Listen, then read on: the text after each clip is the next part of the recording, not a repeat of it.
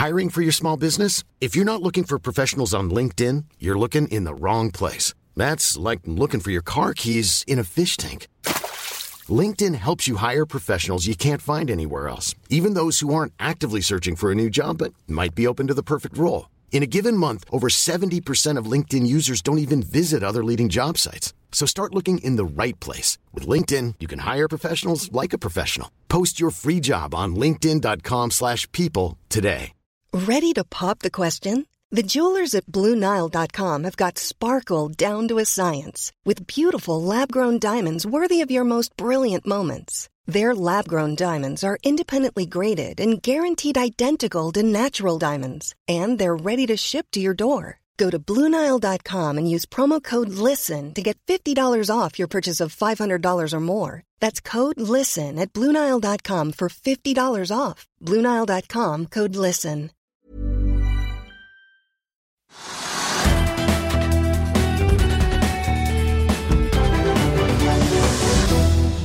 Velkommen til Økonominyhetene. I dag besøk av sjeføkonom Harald Magnus Andreassen fra Sparebank1 Markets. Vi skal også se på teknisk analyse av Equinor og eh, arbeide oss gjennom hva som har skjedd i Asiamarkedene og USA. Men vi begynner i dag med Harald Magnus eh, Andreassen. Velkommen til oss. Takk skal du ha. Det er mye spennende som skjer i verden. SSB la i dag fram eh, sin mening av hva som skjer i verdensøkonomien, og de mener at vi er på vei inn i full lavkonjunktur. Deler du den oppfatningen? Ja, jeg tror det er ganske sannsynlig at veksten kommer til å dempes videre. Eh, vi hadde en veksttakt i slutten av, eller inn i 2018 på rundt 4% og nå ligger vi på 3 Og Det er et ganske markert skifte. Eh, skal vi ha en, det vi kaller en, en vekstresesjon eller en nedgangsperiode, lavvekstperiode i global økonomi, så skal vi rundt til to sånn cirka. Eh, det vi kaller resesjon i mange land er at du skal ha fall i BNP. Men på verdensnivå så skjer det så sjelden at vi pleier ikke å bare kalle de periodene for resesjoner. Så vi er allerede på god vei inn i en oppbremsingsperiode globalt. Det er ennå ingen dramatikk over det. Det er ingenting som ligner på finanskrisen, og det tror jeg ikke det blir heller. Men veksten har kommet mye ned, og det har stor betydning for uh, selskapenes inntjening. Vekst, Forventet vekst i selskapenes inntjening globalt har jo rast ned. Altså Fra å ligge på 20% vekstrate for ikke så lenge siden, riktignok med litt skattekutt i USA på toppen av det, så ligger vi nå på nullstreken. Mens i Norge så er det fortsatt mange som venter at bedriftene skal øke inntjeningen mye. og Det er jeg veldig usikker på om de får til. Fordi at veksten dempes nå. Du sier at du ikke tror på noen bred krise, men vi har jo allerede negativ vekst i Tyskland, sannsynligvis i Storbritannia, og resesjonsvarslene begynner å komme også i USA med minustall på ISM. Ja. Jeg likte ordet krise. Ja. Um, for jeg er ikke sikker på om vi skal bruke krise på det. Eh, og det at jeg mener det er ikke krise det som normalt skjer i økonomiene. Normalt konjunktursykkel hvert femte år.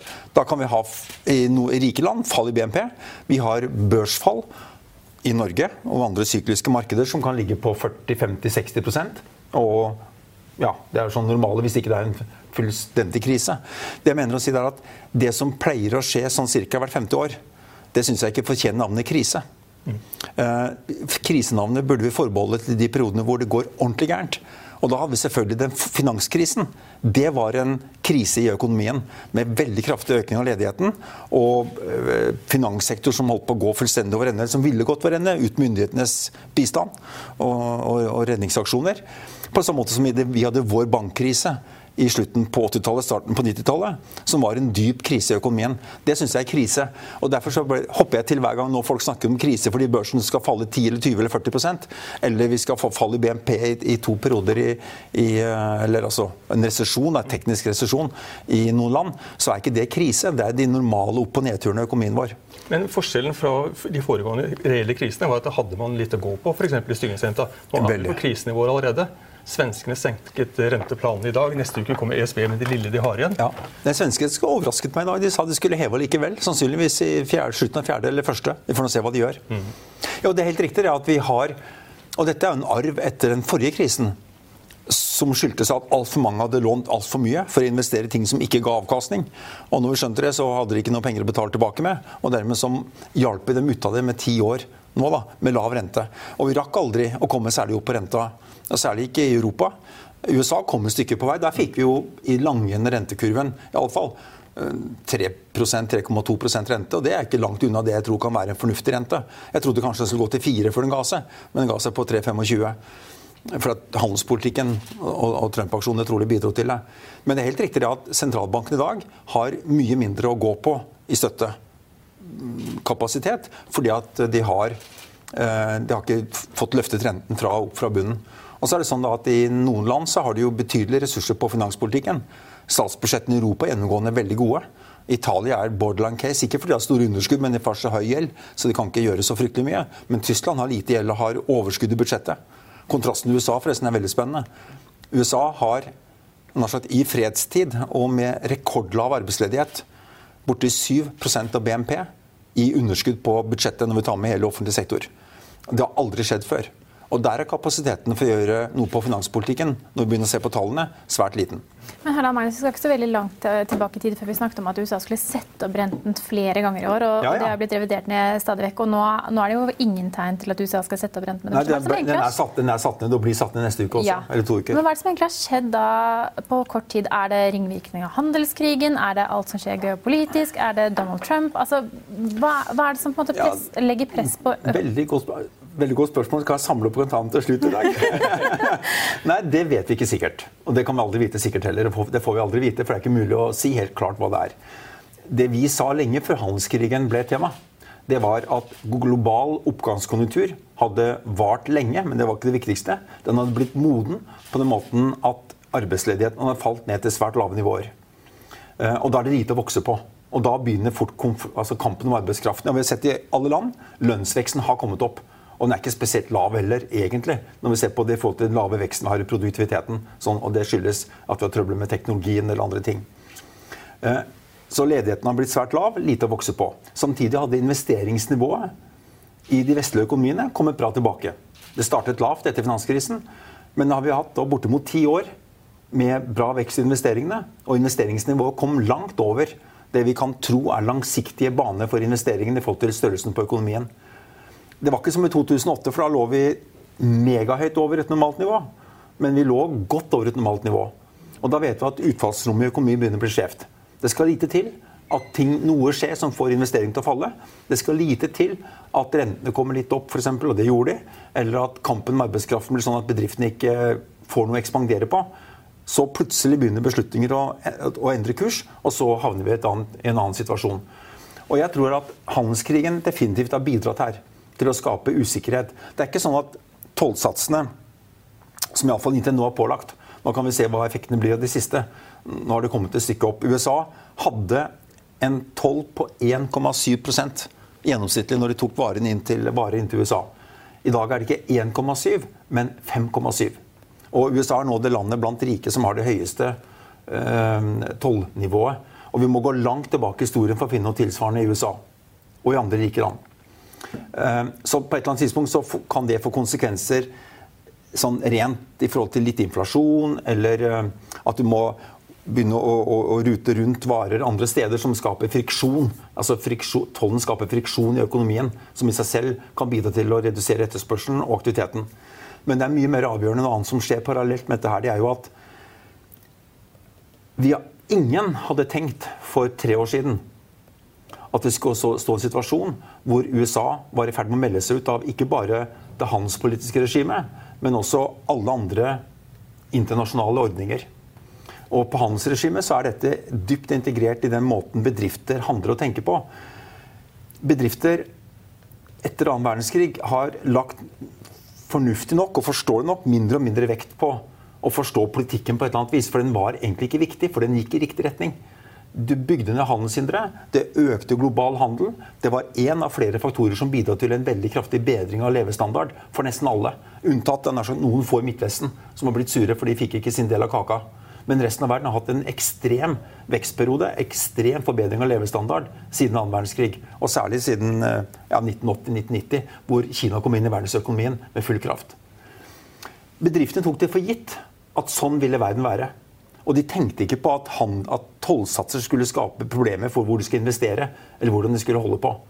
Plutselig nå så ser de at hele regimet som de har tatt for gitt, nå er i spill. Hvor skal bedriftene investere? Skal de stenges ute av Kina? En ting er at du får toll, Eh, får du lov til å operere i Kina av amerikanere? Han sa jo det en dag. Get out, sa Trump.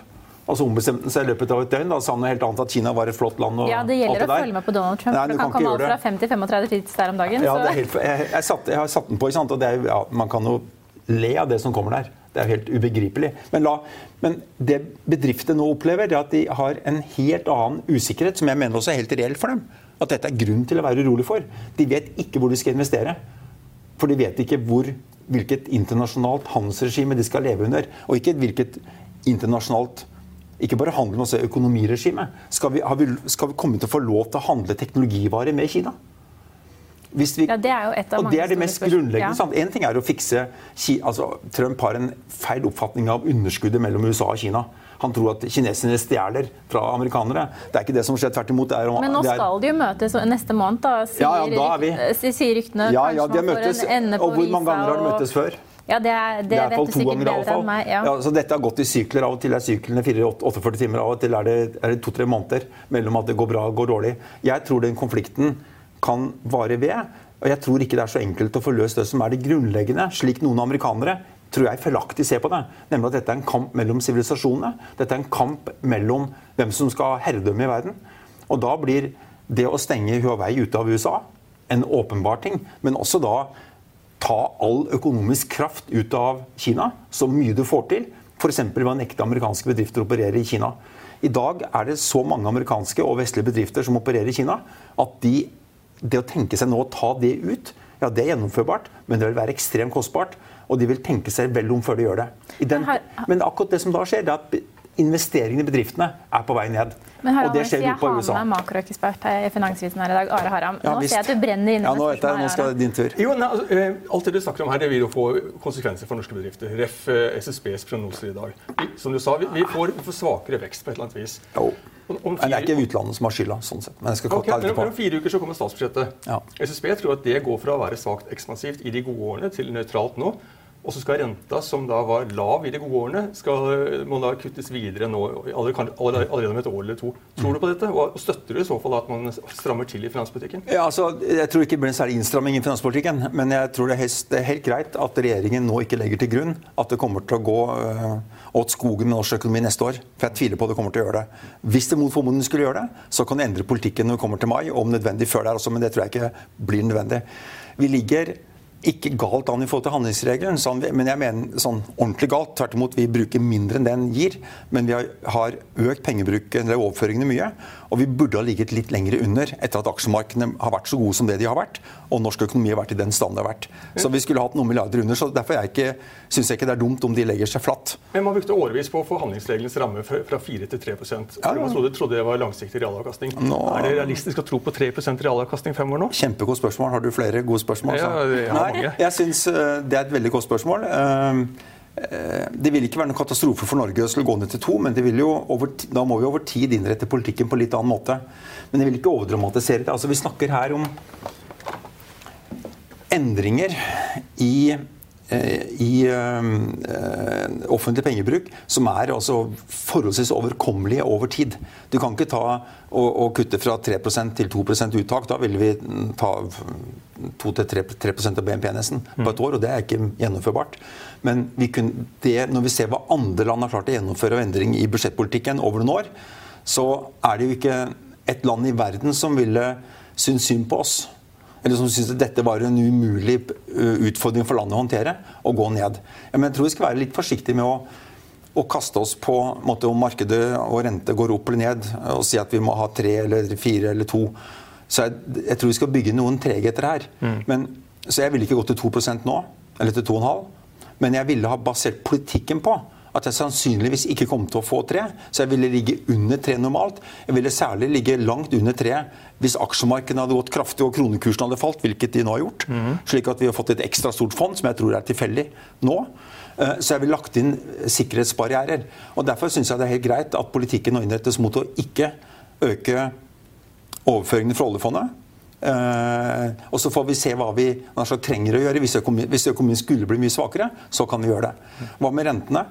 Altså, utfordringen for Norge er jo at de rentene vi har hatt nå i ti år, åpenbart er altfor lave. Eller har vært for lave. Ja, Det vet vi at du mener. Det sier du jo hver gang du er her. Ja, Hvis du kunne snakket rentene opp mer, så hadde Nei, den men, vært altså, det er ikke det. 10 Jeg bare sier bare at den renten vi har hatt, har jo gitt en vekst i gjeld som umulig kan være bærekraftig over tid. Det har gitt et boligpriser som vi bare ser maken til i andre land som har fått lav rente uten at vi trengte det.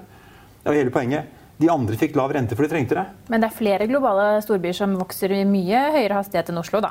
I pris. I pris, ja. Ja, det er ikke mye nå i dag. Nei, Og ser vi land, og ser vi land, så er det sånn at uh, Norge skiller seg ganske klart ut sammen med et liten knippe andre som også fikk lav rente uten at de trengte det. Så det Svenskene hadde det, canadierne, australiere, New Zealand. Og vi ser at det har skjedd det mot, Vi kan måle boligpriser mot inntekt, mot leieinntekter, mot andre priser. Og du får det samme svaret. Og i alle disse landene her så har gjelden økt kraftig. Der hvor bobla sprakk, har gjeld blitt nedbetalt. Altså I USA, Storbritannia, Spania og mange mange andre land så har vi hatt en massiv nedbetaling av husholdningens gjeld. Det er akkurat det samme som vi gjorde når vår boligboble sprakk for 30 år tilbake. Hvis, nå, Og det jeg da sier at Den renten vi har hatt, har ikke skapt en økonomi som er stabil over tid. På tross av at vi har regulert utlånet hardhendt med 85% fem ganger årsinntekt etter hvert. Sikkerhetsmargin på fem. gjeldsregister. Kommer nå. Så har vi fortsatt hatt en gjeldsøkning som ikke er bærekraftig. Og det tror jeg er et, en veldig god indikasjon på at rentenivået har vært langt lavere enn det som har balan vil balansere økonomien på sikt. Det har vært grunner til at renten ble lav. Den gikk ned ute, kronekursen var sterk, oljen gikk ned. Så det var grunner til at vi har kommet der. Men det har ikke vært noe som over tid skaper stabilitet i Norge. Men nå er vi i situasjonen at husholdninger kan eh, binde på fem år og lengre på rentenivåer ja, som tidligere var utopi. Ja. Og da vil jo de bli fullstendig immune mot pengepolitikken. Da vil man håp om å kunne styre atferden til husholdningene bli svekket kraftig. Ja, det, og jeg vil si For husholdningene er det nå veldig fornuftig å, å binde jeg, jeg tror det er fornuftig å binde renten. Og jeg vil anbefale for de aller aller fleste å ta mer rentebinding enn normalt. Men er ikke lave fastrenter et, et tegn på at nå går vi lavere renter i møte? Jo, det kan det godt være. Og, det er jo slik at aktørene på rentemarkedet tenker fremover. Og det er også grunnen til at det brukes ofte som et resesjonsvarsel. At de lange rentene faller så mye at de faller under, eller iallfall blir lavere, da, enn de kortsiktige rentene. Eh, men når vi ser tilbake i tid, eh, så, så ser vi at rentene ja, de har gått opp og ned kontinuerlig. Nå føles det som det har gått rett nedover i, eh, siden 1980. Eh, Men ser vi i de 20 årene før der, så gikk de rett opp. Og ser vi gjennom historien bakover, så har vi hatt betydelig variasjon i rentene. Eh, ikke så mye som vi hadde fra 60 til 80 og tilbake igjen, men vi har hatt variasjoner, og særlig ser vi på Hiring for your small business? If you're not looking for professionals on LinkedIn, you're looking in the wrong place. That's like looking for your car keys in a fish tank.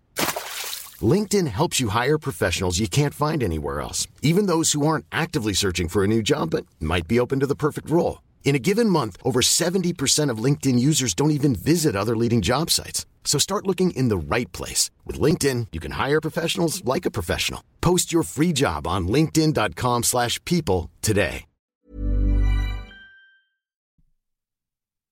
I'll see you in court. Vi sier det ofte litt på spøk, men for deg som driver business, er det aldri moro å innse at du ikke har laget en 100 gyldig kontrakt. Du bør ikke risikere hele firmaet ditt fordi du synes dette med kontrakter er litt stress. En avtale er ikke en avtale. Du kan miste kunder, miste venner, ja, til og med miste inntekter om du ikke lager en skikkelig kontrakt, på alt mulig, egentlig. Men vi vet det er et styr. Kopimaskiner, treg printer og haugevis av papir. Dessuten stoler vi jo på folk her i landet. Det er ofte litt kleint å skulle be om en signatur for alt mulig, ja, for mye av styret handler også om jakten på underskriften. Det finnes en enkel måte å løse dette på, Dukkobit, en trygg, effektiv og get this, gratis måte å sikre seg en god natts søvn pluss en juridisk bindende avtale. Dukkobit-appen har de strengeste sikkerhetskrav i bunn, samt en EU-godkjent og sertifisert teknologi. Framover vil det bli behagelig å spørre du, skal vi skrive under på det, eller? Kom i gang på dokobit.no. realrentene, så har de gått opp og ned kontinuerlig. Og hver gang så tror vi at det er sånn renten er i dag, som renten skal være fremover. Det at lange renter er lave i dag, betyr ikke at det blir lave renter at det blir lave de neste ti årene. Men SSB mener jo at rentetoppen nå er nådd. Ja, det kan godt være. Jeg tror Norges Bank kommer til å heve renten nå om to uker. Eh, For jeg tror ikke at vi at, at Den analysen som Norges Bank gjorde i juni, Det var nok basert underliggende på at de hadde en følelse av eller mening om at rentenivået er i laveste laget. Og de ønsket å øke renten eh, bortimot to ganger til. Det var det de sa i juni. Mm. Eh, og så sa de i august at eh, lite endret når det gjelder renteutsiktene for den nærmeste perioden. Det sa de i august. Og, den, og, da refererte de tilbake til det de mente i juni. Og det indikerer at de da så for seg da, i midten av august, at de skulle sette opp renten i september. En siste gang. En siste gang, Og så skulle da pga. global usikkerhet så var det ikke sikkert at det ble mer. Eh, hva som kommer til å skje altså Jeg tror at vi kommer til å heve i september. Eh, som, og Da tror jeg de samtidig kommer til å si at uh, det var det for denne gangen. Pga. at rentene falt som ute, og de er usikre på vekstutsiktene og internasjonalt osv. Men hva det faktisk kommer til å bli om tre år, det er jeg ikke så sikker på. Altså det, det, jeg bare vet er at Vi til enhver tid tror at det vi ser nå, er sånn det skal være til evig tid. Og sånn blir det ikke. Verken på aksjemarkedet. Der er det helt patetisk. Dagens konjunktur påvirker børskursene. Enten konjunkturen er sterk eller svak, og utslagene i børskursen er langt langt større enn det de burde være. Og det Samme som med rentene de kan bli for lave, og de kan bli altfor høye. Men vi kan jo bare se ja. Nei, kom inn. Vi kan jo bare se på kollegaer av deg. Harald Magnus, Nesten alle dine sjeføkonomer som sitter rundt deg, sier at de kan ikke sette opp renten. Vi kan ikke være unntakslandet. Vi må følge med. Er, vi går inn i resesjon. Det er tøft globalt. Ja, altså, Vi får nå se hvordan vi, Først så vet vi ikke hvor, galt det går ute. Det er nå det ene. Vi får nå se det. Og det andre er at Vi har jo hatt perioder hvor Norge har gått greit nok, selv om det har gått svakere ute.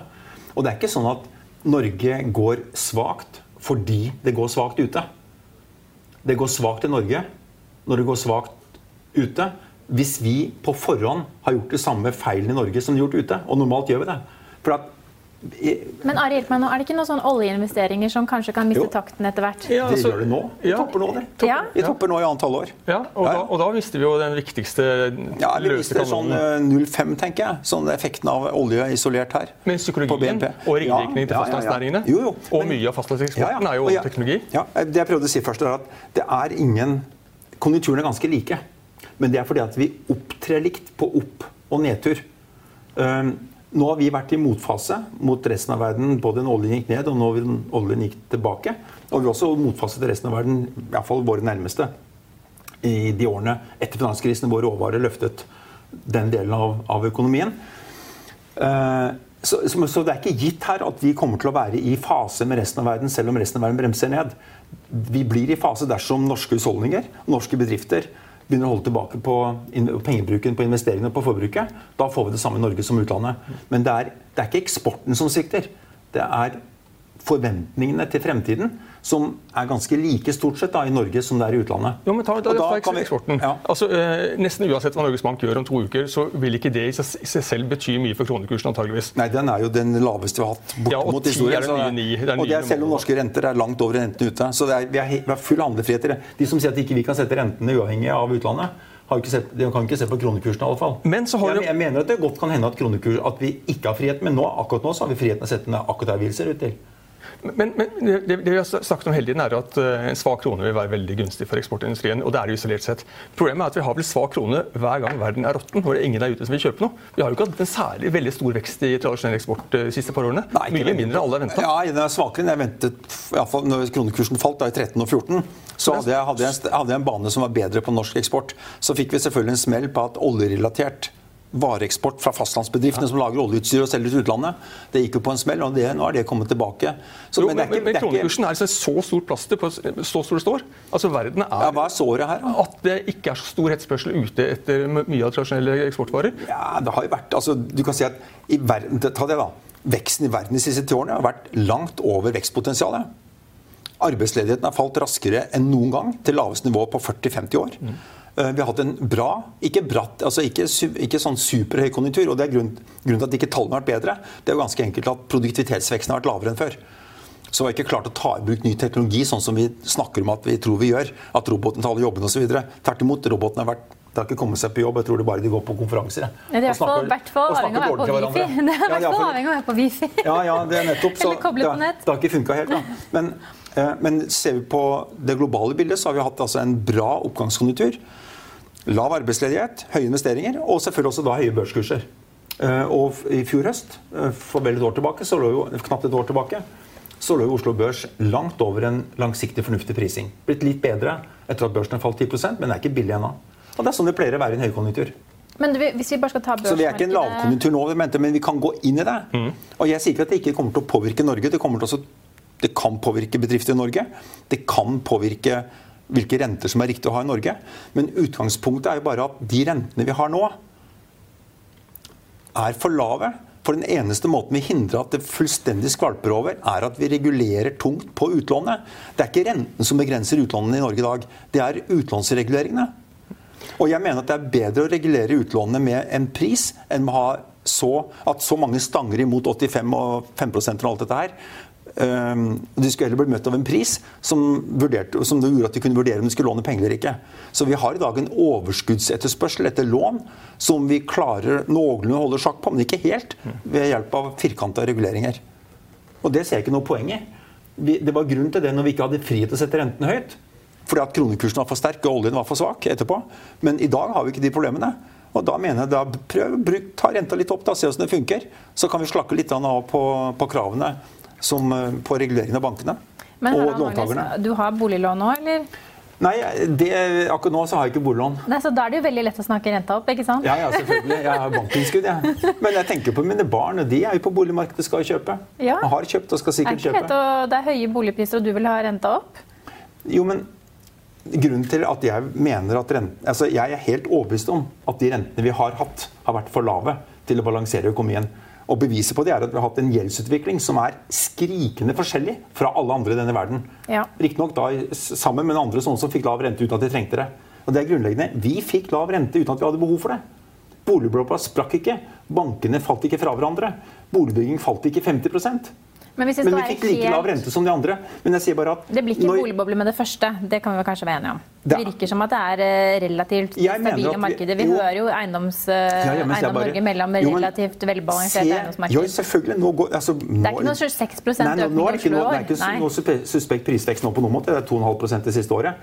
Men um, det er likevel sånn at prisnivået vi har i dag når vi sammenligner med de fleste målestokkene vi kan sammenligne med, så er prisnivået svært høyt, og det har steget mye over lang tid.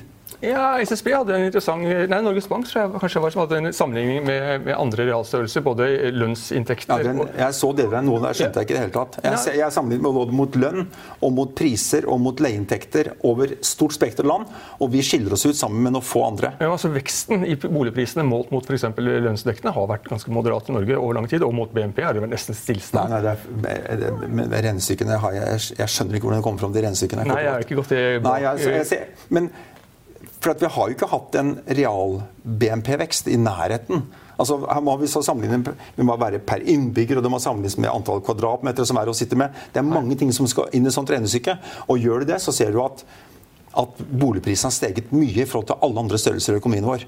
Dette er ikke noe nytt, dette har skjedd før hos mange andre. I boligprisen ligger også høyere standard og mer plass per person også. Vi har jo kjøpt, kjøpt også bedre boligstandard. Ja, og Det er jo helt greit at vi gjør, for det er jo en måte å bruke rikdommen på. Ja. Men problemet er at vi samtidig har betalt mye mer per kvadratmeter også. Ja, Det òg, ja, men ikke så, bare. Det er ikke bare. Nei, nei, altså, jeg, jeg, er helt riktig at vi er vi rikere, så skal vi bo bedre. Selvfølgelig. Men det er ikke sånn at økte inntekter har ført til at prisene på boliger har blitt så mye høyere enn før.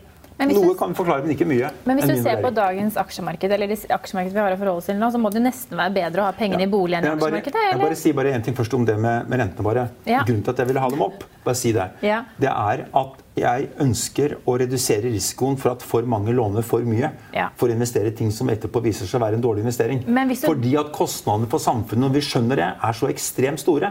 De store nedturene i alle våre vestlige økonomier de kommer etter at vi har hatt en gjeldsvekst gjerne normalt sammen med boligprisvekst og høy boligbygging, og andre eiendomsinvesteringer, som viser seg å være bygd på steingrunn. Men nå går boligbyggingen litt ned, da, og noen er jo redd for at det kanskje kan til og med bli boligprisoppgang i allerede midten av slutten av 2020 pga. at det bygges for lite boliger. Kan godt tenkes, vi bygger, men vi bygger også da mye mer boliger i Norge enn vi gjør i noen land vi kan sammenligne oss med, bortsett fra tilfeldigvis de fire landene jeg nevnte. Boligbygging i andre land ligger mye lavere. Vi har lenger ikke befolkningsvekst av betydning. Vi har ikke, hatt reallønnsvekst siden 2013. Det er en del av mekanismen for å tilpasse oss til lavere oljepris og til lavere oljeinvesteringer. Og vi har lov også for høyt i 2013. Vi har ikke, vi har ikke hatt reallønnsvekst på seks år. Vi har ikke befolkningsvekst som er spesiell lenger. Vi har trukket ned på sparingen noe for å kompensere. for lav inntektsvekst, og så har vi da tatt opp mye gjeld. Men jeg skal ikke krangle, er- jeg skal Nei, ikke skal vi krangle med deg på renta. Du skal få lov til å mene, ha de meningene meningene med stor respekt. Men vi må innom aksjemarkedet, for jeg Ja. vet at du alltid snakker med Peter Hermanrud før du skal hit. Og hvis ikke du snakker med han rett før Jo, jeg snakker med han en dag. Det er, det er jo volatilt i markedet nå. Altså, det, skal man være i aksjemarkedet, eller skal man ut av aksjemarkedet akkurat nå? Ja, Vi gir aldri råd med at folk skal gå ut av aksjemarkedet. Altså, Peter han tok en god del penger av bordet Ja, ja. når det var sånn Selvfø- før sommerferien jo, her. Selvfølgelig. Vi, men jeg sier at det er ikke null eller én. Nei. Det er gradert. Um, og Men med de svingningene man ser, da, så det kan være opp 1 ned 2 Sånn er neste dag altså, Det er jo så volatilt. Sånn, jo, men det er sånn det alltid er. Det er ikke viktig. Det viktige er to ting. Er det dyrt, eller er det billig? Ser det ut som økonomien går bra eller dårlig? Og hvis det er dyrt, og det ser ut som økonomien går dårlig, så skal du selge. Og akkurat nå så er det ikke veldig dyrt, men det er ikke langt fra billig. Det har kommet innenfor prisingsbåndet vårt, men det ligger i den øvre delen av det. Eh, og økonomien akkurat nå ser ikke spesielt lovende ut. Akkurat som du nevnte i sted. Konjunkturen svekkes. Det har kanskje ikke blitt verre siden, siden mai nå. Jeg syns jeg ser noen tegn til stabilisering. På en del bedriftsbarometere og sånn surprise index og sånne ting, så er det faktisk blitt litt bedre. Iallfall ikke blitt verre over sommeren. Men jeg mener at pga. at konjunkturen er moden, fordi at handelskonflikten ikke er løst, og ikke blir løst frem med det første, fordi at bedriftene har angst for at hele det regimet vi har basert oss på å leve i, er i ferd med å gå opp i liminga. Jeg håper ikke de gjør det, men bedriftene har grunn til å tenke på at de kan gjøre det. Og da skal de være forsiktige med bruk av penger. Ja, så vil konjunkturen kunne svekkes videre. Og for Oslo Børs er problemet veldig enkelt. Den veksttakten vi har hatt nå, de siste ti månedene i global økonomi, den veksttakten som bedriftene fortsatt signaliserer at vi har, nå gjennom august måned, vi har fått noe ganske bra tall for det, så gir det er ikke det nok til å holde børsen oppe. Fordi at veksten er langt lavere enn det langsiktige vekstpotensialet. Så kapasitetsutnyttelsen faller nå på selskapene på børsen. Det gir dem svakere inntjening og alltid svakere aksjekurser. Det... Og, samtidig, og samtidig så er forventningene, iallfall slik vi har summert sammen, da, som Bloomberg Factset og andre gjør for oss, summerer sammen alle analytikers forventninger om å inntjene norske bedrifter, så ligger de på feil banehalvdel. De ligger altfor høyt i forhold til hva bedriftene kan levere i en verden som vokser som den gjør i dag. Og hvis veksten går videre ned, som vi tror er ganske sannsynlig, så skal inntjeningsforventningene vesentlig ned i forhold til hva det er i dag. Ikke noe Altså, klar er Altså, Are. Kortversjonen er ta penger og vekta er kraftig ned i aksjer. Men hvor, men hvor kraft- Nei, vi, vi har ikke kraftig undervekt, vi har undervekt. Og moderat undervekt. Og det er fordi at det, det, det har falt såpass. og det, det er ikke så dyrt som det var i fjor høst. Men faktorene framover tyder jo på at det ikke vil bli særlig mye. ja, altså, Vi har undervekt, men ikke, men ikke noe dramatisk. Men hvor går det? Gull er vi kanskje litt seint å komme inn på. Ja, Gull har steget. Jeg må si at jeg skjønner ikke det med gull. jeg, For det, det gir aldri noe avkastning. Altså, det, Du har ikke noe kontantavkastning, du har bare lagringskost Ja. på gullet. Og over tid har gull vært en håpløs dårlig investering. Av og til går det som en kule, av og til så faller det voldsomt. Eh, Du, du sitter, ja, jeg har sett på det. Og det, det er ikke sånn at jeg gir noe beskyttelse rundt resesjonen der. Men jeg har en god kollega, han er flink. Han mener at gull eh, vil være bra videre fremover. Det kan tenkes. Men jeg ville aldri ha kjøpt en, en gullbar eller to. Men du er ikke overvekt i rentepapirer heller? Nei, jo, da, jeg sitter med bankpapir. Ja, ja, okay, det er jo med bankinnskudd. Jeg, Ja, jeg men det er ikke så gærent å få 1% i banken hvis alternativet er å tape 30 på aksjemarkedet. Nei, det er det, er ikke slik at du, at, og det er jo det som er utfordringen. I nedgangsperioder så er det lite å tjene penger på. Ja. Du, du kan tjene penger på at rentene faller på statsobligasjoner så, eller, og sikre papirer. da, Stats, altså durasjon, eller fastrentepapirer, stiger. Men når rentenivået er som det er i dag, så er det allerede det løpet tror jeg er kjørt. Jeg, Jeg tror ikke vet det er hvor mye man mer- skulle vært hvis man skulle investert i noe de siste månedene. Hvor er det? Ja, Bitcoin. Bitcoin. Ja, Opp det er bit. 6000 dollar på bare Nei da. Men, Men, men det jeg kan si der på rentene, da, det er at de har eh, Siden i fjor høst så har renten vår i USA falt uh, ca. 1,5 prosentenheter og litt mer enn det. Ut på rentekurvene har nedgangen vært like stor. Og Det som er så bemerkelsesverdig, det er at vi ser en tett korrelasjon med endringer langt ute på rentekurven, på langsiktige renteforventninger, i forhold til hvordan konjunkturen har vært de siste månedene. Så har konjunkturen bremset ned, og det har den gjort nå. Så får vi et rentefall akkurat som det vi har fått nå. Og skal vi da få et betydelig rentefall herfra, ja, så må det være at konjunkturen svekkes ytterligere. Altså De går fra nullvekst, altså vi nå har hatt i eh, ti måneder, til mye på minusen. Og akkurat i dag så har jeg ikke så mange Det kan skje, men det skal egentlig være ganske mye nedtur for, for rentene der herfra.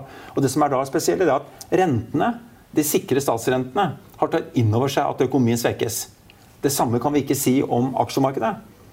Selv om det har falt. og vi heller, heller ikke kredittmarkedet, altså bedriftsobligasjonene har tatt det inn. Det er jo en ekstrem målestokk når man eh, som eh, langsiktig investor går med på 30 år i tysk statslån med negativ rente. Ah, ja, det altså, ville jeg aldri ha kjøpt det. Nei, men altså, da sier man man vet i hvert fall at man taper bare 0,1 ja. nominelt ja. i året.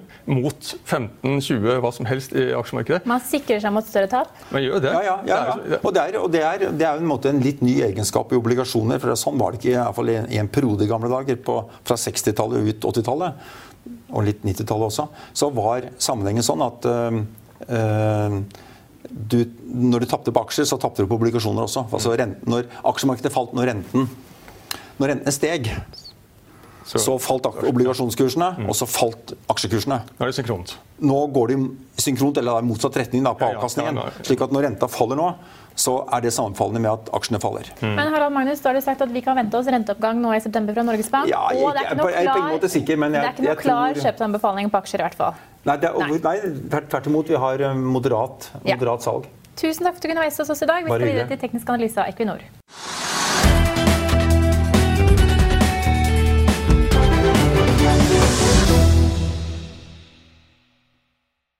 Økonominyhetene er en podkast fra Finansavisen. Programledere er Marius Lorentzen, Stein Ove Haugen og Benedikte Storm Bamvik. Produsenter er Lars Brenden Skram og Bashar Johar. Og ansvarlig redaktør er Trygve Hegnar.